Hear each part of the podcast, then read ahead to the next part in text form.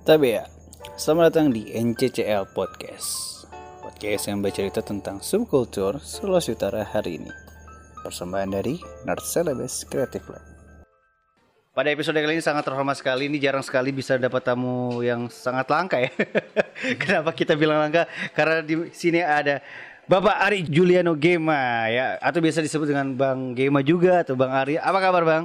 Alhamdulillah. Terima kasih. Aku ketemu Bang Ari itu pertama waktu di acara Baycraft Bang. Iya. Waktu acara Bisma Goes to Member. Hmm, ya itu itu abang masih eh, di Baycraft. Deputi, ya Wecraft sebagai deputi fasilitasi HKI dan regulasi. Nah ini sa- sampai sekarang. Eh, sekarang staf ahli menteri bidang reformasi birokrasi dan regulasi. Oke, jadi kita akan bahas tentang HKI. HKI sendiri Iya. kan kalau misalnya kalian eh, searching aja di Google, itu lebih ke hak kekayaan intelek- intelektual ya, kayak hak cipta segala macam. Nah, permasalahannya sekarang di Indonesia ini kan lata ya bang ya, lata karya, lata apa pun ya. Satu semua mobil warna putih semua ikutin warna putih segala macam. Iya, iya. Nah kalau di Indonesia sendiri kita eh, ngomongin santai aja tentang HKI sendiri. Mhm. Sesungguhnya di Indonesia sendiri dari menurut dari opini Bang Ari aja itu Indonesia masyarakat umumnya memandang HKI itu mereka udah sadar atau mereka malah iya masa bodoh. Iya, jadi memang eh, kita waktu di Backcraft waktu itu ya kita pernah ngadain survei tentang eh, kepada pelaku ekonomi kreatif khususnya mengenai bagaimana sih sebenarnya KI bagi mereka gitu, HKI bagi mereka. Dan ternyata kita mendapati eh, data 11% unit usaha ekonomi kreatif itu yang eh, baru memiliki KI terdaftar, HKI Cuma terdaftar. 11%? Baru 11% gitu. Unit usaha ekonomi kreatif itu eh, waktu itu ada sekitar 8,2 juta. Jadi bayangin dari 8,2 juta unit usaha Cuma hanya 11. 11% yang memiliki haki terdaftar. Nah, ini Yang kan- lainnya ke mana tuh? Kenapa? Nah, mereka nggak sadar atau kemudian gimana? waktu kita eh, cari tahu, ternyata memang pertama itu masalah pengetahuan. Jadi banyak orang memang belum memahami gitu kan. Begitu mereka belum memahami, maka mereka jadi nggak sadar pentingnya apa sih ngelindungin gitu kan. Nah, di sinilah kemudian eh, PR besar bagi kita sebenarnya. Pertama, bagaimana melakukan edukasi kepada mereka supaya mereka paham. Setelah mereka paham, baru mereka sadar untuk melindungi hakinya tersebut. Gitu. Nah kalau di Indonesia sendiri gimana caranya itu? Kalau misalnya eh, mesti orang yang tertentu kah atau orang dari instansi mana pun atau memang usaha brandnya udah besar? Karena kalau ngomongin hak HKI, hak kekayaan intelektual kan banyak ada hak paten, hak cipta, hak Betul. merek, hak dagang segala macam. Nah mungkin dari yang tadi Bang Ari bilang dari 8 juta itu cuma 11 persen, sisanya mungkin nggak tahu. Antara nggak tahu bagaimana caranya sama masa bodoh gitu Iya, loh. iya. Apalagi di bidang kayak entertainment, musik gitu loh. Hmm. Itu gimana, Ca? Betul. Jadi memang eh, memang nih haki bukan konsep konsep yang mudah gitu ya. Ini Iya. sangat kompleks sekali gitu ya karena sarjana hukum pun bahkan gitu belum ada ada juga yang nggak ngerti tentang konsep haki secara utuh gitu ya. Oh gitu. Iya, karena memang haki ini kan eh, kalau di Indonesia kita untuk hak eh, yang sifatnya perorangan gitu ada sekitarnya 6. Setidaknya ada 6 yang perlu dipahami. Dari mulai eh, dari mulai merek yang kita hubungannya dengan logo, Betul. dengan brand itu, kemudian kita desain industri yang hubungannya dengan bentuk aja gitu ya. Mhm. Lalu kemudian dengan paten yang hubungannya dengan teknologi, makanya kita bicara dengan fungsi.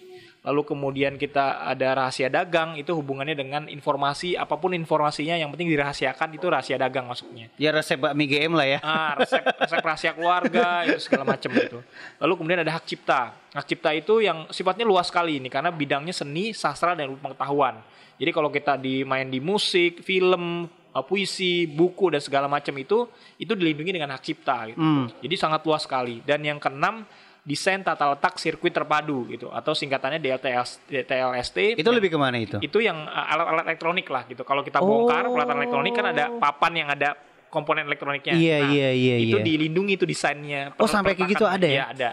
Nah, untuk memahami enam itu kan sulit sekali gitu. Maksudnya tidak mudah gitu. Betul, ya. betul, betul, Tidak betul. mudah orang Indonesia apalagi yang beragam uh, tingkat pendidikannya lalu kemudian juga uh, sangat luas ini gitu. Jadi memang PR yang luar biasa bagi pemerintah sendiri dan bagi komunitas, bagi siapa pun orang-orang yang memahami ini untuk memberikan informasi yang tepat lah gitu Hmm. untuk disampaikan kepada eh, teman-teman eh, komunitas khususnya gitu. Karena sekali lagi karena konsepnya juga tidak mudah, maka cara penyampaiannya, edukasinya, sosialisasinya juga butuh eh, hal yang khusus gitu. Nah, yang aku bertanya gini, kalau misalnya sampai eh, apa ya suatu produk atau barang kita Hmm. udah pingin mengurus soal haki kita, Ya. udah ada, itu apakah itu berlaku nasional atau sampai internasional? Ya, jadi memang eh, konsepnya pen- perlindungan HKI itu adalah teritorialitas. Jadi Oke. Di mana negara itu dia mendaftarkan, maka hanya di negara itulah dia dilindungi. Oh gitu. Gitu. Itulah mengapa kemudian kalau misalnya kita berniat mengekspor produk kita ke luar negeri misalnya gitu ya. Nah, akan lebih baik kalau sebelum kita mengekspor ke luar negeri itu sudah didaftarkan dulu Di eh, HKI itu. Hakinya. Hakinya. Setidaknya mereknya ya, karena merek itu kan sebagai eh, apa eh, perwakilan dari brand ya. Betul. Merek itu didaftarkan merek-mereknya di negara-negara tujuan ekspor kita supaya produk kita begitu sampai di negara itu terlindungi gitu. Hmm. Tidak mudah ditiru sama yang lain. Oh begitu. Ya. Kayak beberapa tahun terakhir terakhir ini kan eh, kita sering banget kayak mengklaim-klaim ya kan negara ini negara itu mengklaim ya negara tetangga lah mengklaim tari lah segala macam nah itu problematikanya gimana apakah memang mereka belum ya kan kayak tari orang kita dari SD pun belajar oh ini tari Jepang ini tari ini Iya. taunya cuma daerah nah terus karena mungkin terus tiba-tiba negara lain mengambil itu kasusnya itu bisa kayak gitu gimana bang? Nah, itu kalau itu dalam itu eh, problematikanya gimana itu lingkupnya ke ekspresi budaya tradisional namanya. hmm. Nah, ekspresi budaya tradisional ini memang satu PR tersendiri karena yang di karena milik komunal. Kalau tadi Oke. kita ngomong enam jenis itu milik private gitu, Iya. milik pribadi. Tapi kalau ekspresi budaya tradisional, tari-tarian, lagu daerah, bahkan bahasa makanan. daerah, makanan daerah segala Oh. macam itu sifatnya komunal gitu. Yang kita kalau di ha- apa di rejim hak cipta itu itu dimasuk ke ekspresi budaya tradisional Hmm. gitu. Nah, di seluruh dunia memang ini eh, masalah ekspresi budaya tradisional ini belum ada kesepahaman gitu. Sehingga terjadilah seperti ini. belum ada rumusnya ya Belum ada kesepahaman aturan ya yang Ah, yang, yang ah. yang yang yang bisa berlaku secara internasional gitu ya. betul betul Eh, jadi sehingga terjadilah seperti ini.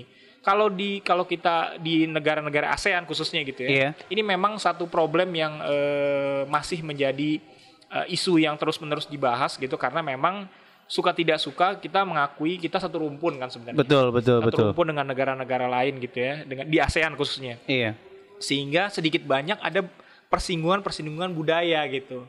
Nah, oleh karena itulah kadang-kadang mungkin saja misalnya ada im- ada migran, ada orang eh, orang-orang imigran yang datang ke sana mengembangkan budaya di sana yang masih ke bawah budaya lamanya di negara asal Betul, gitu. betul. Sehingga begitu mereka membuat itu ya udah diklaim aja sama negara itu gitu. Padahal, Padahal- kalau dirunut-runut akarnya kan ke sini gitu. Ujung oh orang Indonesia juga Nah, ternyata gitu. tinggal di Makanya sana. Akhirnya kan kayak rendang kayak gitu, Iya, rendang. Kain batik juga. Bener.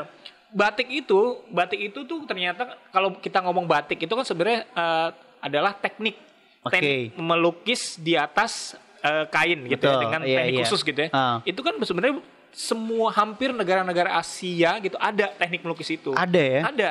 Jepang, Thailand, Malaysia itu rata-rata negara-negara yang Oh, iya, Asia iya, itu iya. tuh Ah. mereka punya kayak kimono itu kan itu kan batik sebenarnya tekniknya ya Oh, tekniknya ya Oh iya Nah, iya kan iya teknik iya. batik iya, sebenarnya iya, iya. cuma memang kenapa Indonesia yang diakui oleh UNESCO sebagai eh, apa namanya eh, apa namanya eh, peninggalan tidak tidak tidak berwujud gitu ya Oke.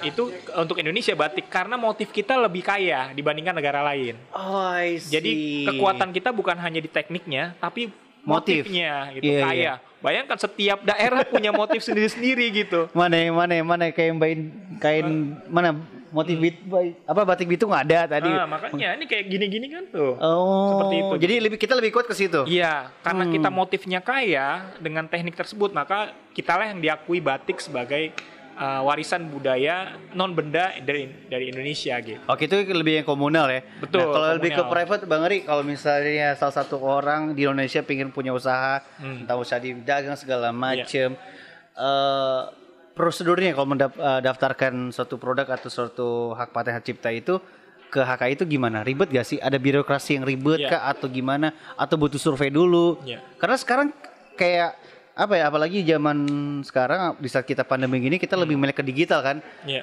apa yang ada kita nonton di digital di media sosial tuh kadang-kadang nggak ke filter kan kan jadi kadang-kadang oh di sana ternyata di sana ada di sini ada nah kalau misalnya kita mau buat kayak gitu itu prosedurnya gimana? Ya, jadi memang sebenarnya kan kalau kita berusaha itu kita harus mengidentifikasi produk kita dulu. betul. Misalnya produk kita eh, makanan gitu. Ya udah makanan ini sekali lagi kita mau jualnya dalam bentuk apa nih? Apakah dalam bentuk paket atau kita mau buka kedai atau warung gitu kan seperti itu.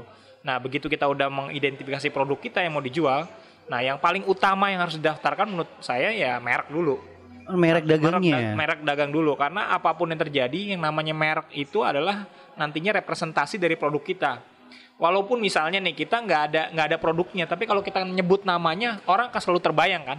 Oh, Contoh sekarang sini nggak ada yang pakai sepatu Nike gitu ya, tapi kalau saya sebut Nike, Orang tahu bayang dong. sepatu. Langsung oh, oke Oh. sepatu gitu seperti itu gitu. Jadi saran saya memang yang pertama kali harus didaftarkan adalah mereknya. merek. Betul. Nah, itulah kemudian eh, kalau untuk mendaftarkannya saat ini sebenarnya mudah melalui eh, bisa online. Oke, bisa Ya, online. Jadi eh, silahkan dicek di situs www.dgip.go.id. DGIP.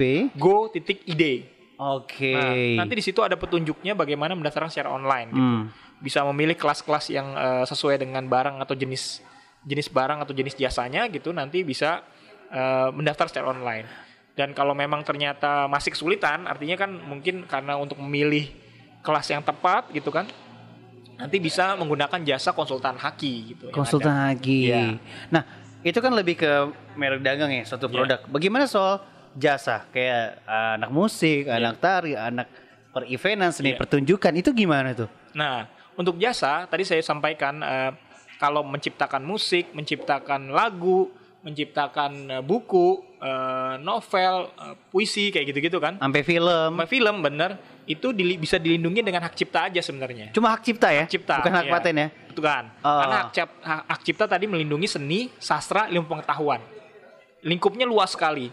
Dan eh, kabar gembiranya adalah untuk perlindungan hak cipta ini tidak perlu didaftarkan.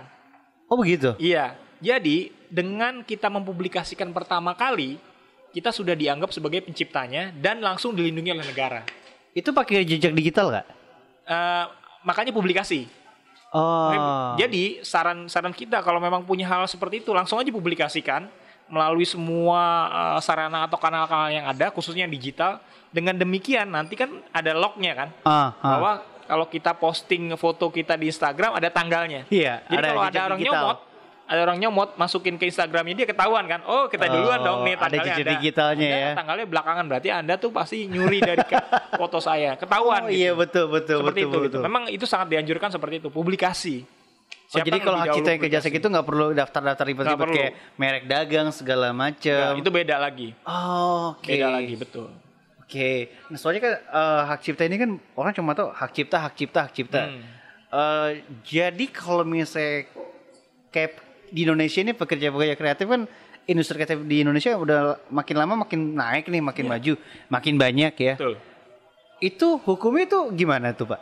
Ya itu tadi makanya eh, menurut saya sebenarnya sekarang undang-undang cipta itu cukup bagus, cukup bagus untuk melindungi karena sangat eh, banyak sekali eh, perlindungan-perlindungan kepada para khususnya pelaku ekonomi kreatif ini gitu ya, dari musisi, eh, film segala macam gitu. Berarti kalau misalnya kita sorry aku potong, kalau misalnya kita bikin satu event, Hmm. event yang benar-benar perdana sekali kita bikin dan Ya. ternyata kalau dilihat nggak di seluruh Indonesia bahkan di dunia belum ada yang bikin konsep yang sama, Hmm. itu udah otomatis orang pihak cipta, kita pihak cipta gitu pak. Iya. Nah, kalau kita mau- jadi ya, Iya. jadi dan dipublikasikan ya. Iya. Hmm.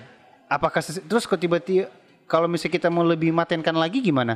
Kayak soal masalah event-event yang berubah franchise kayak la- kaloran kaloran itu kan aku dengar katanya udah ada hak patennya. Oh, Nah itu kayak gimana kasusnya itu pak? itu kan kalau kalaran kita merek dong. Oh merek jatuhnya, Iya. walaupun event ya bentuknya. Iya, walaupun event. Oh, Makanya, iya, oke, nah event oke. juga penting, benar. Kalau tadi eh, bilang event-event itu, event-event itu kan punya punya brand pasti, Betul. ada brandnya. Nah brand Ya, kayak- itulah didaftarkan sebagai merek. Oh, Coloran, kemudian uh, Bali Marathon kan kayak gitu-gitu Betul, ya, ah. event-event kayak begitu. Ah. Nah itu didaftarkan sebagai merek, sehingga Merek nanti, eventnya? merek eventnya betul, sebagai merek eventnya. Siapa pun Sehingga- IO-nya pokoknya merek merek betul, eventnya. Sehingga Oh. dengan demikian mungkin eh, nggak bisa lagi nanti ada IO-IO lain yang menggunakan merek itu Nah itu maksudku. di daerah itu, di daerah itu Oh. gitu. Kan nanti saingan kalau bisa bikin gitu. Ikan itu kejadian kayak yang kemarin eh, apa namanya eh, mobil mobil show apa, Iya ya apa custom culture ada banyak sih. di Jakarta itu. Oh Parjo, bukan Parjo, Eh, bukan, Parjo bukan, udah ada ada verified. Eh, eh, motor show pokoknya motor show itu. Aha. Jadi mereka tuh kayaknya pecah kongsi.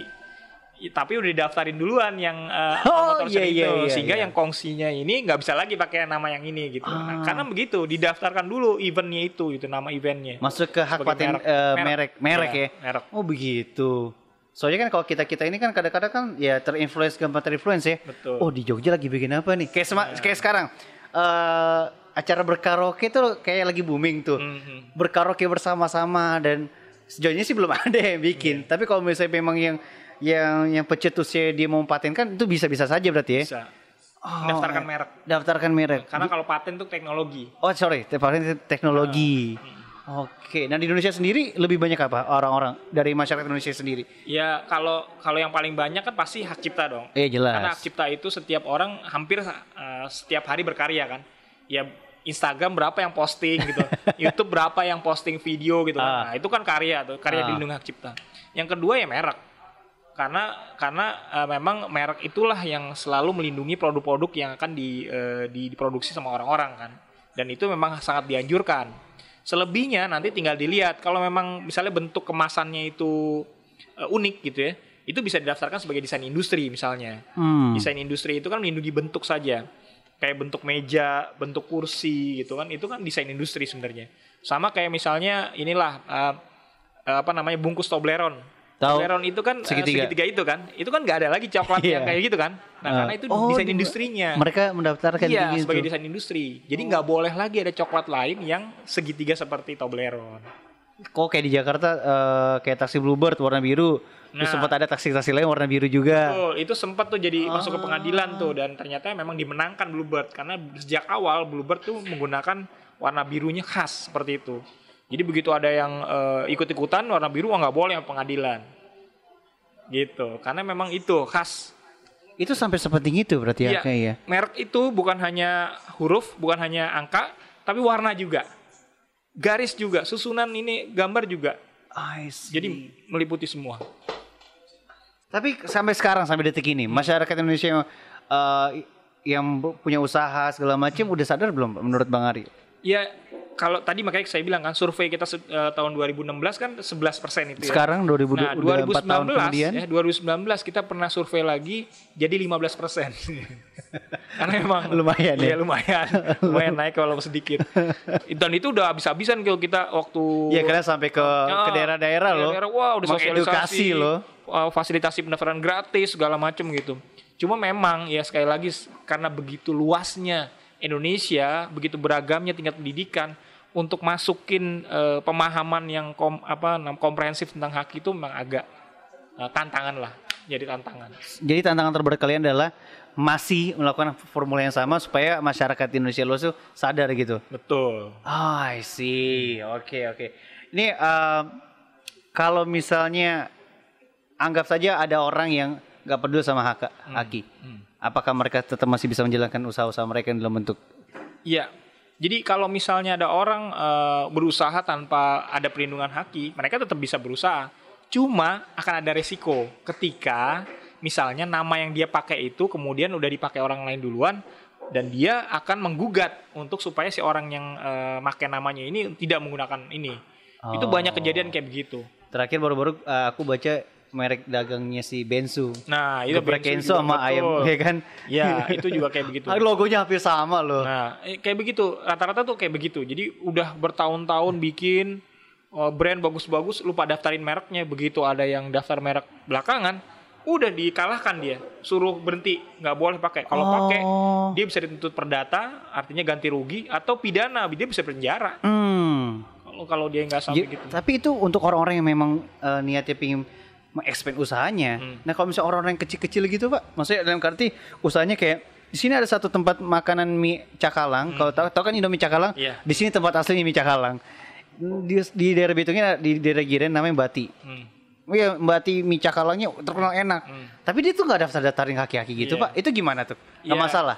Ya itu tadi saya bilang beresiko tapi mungkin saat ini nggak ada orang yang musuh dia. Tapi kalau nanti dia jadi gede gitu kan, kan kita nggak tahu usaha orang ya. Oke. Ada kecil-kecil, maksudnya rumah tangga, tiba-tiba melebar, melebar, melebar, beranak pinak. Nah, tiba-tiba ada orang yang daftarkan, baru dia kejadian nanti digugat. Oh. Ini sama persis kayak warung pojok di Jakarta ada kafe warung pojok. Warung pojok ya. namanya iya, warung iya. pojok Iya, ya. iya.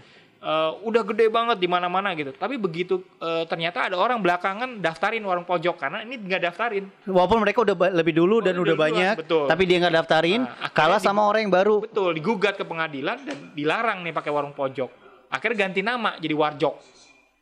Sekarang. Nah, itu kan jadi masalah. Karena dengan begitu, begitu ada masalah kayak begitu, dia harus ganti nama brand lagi.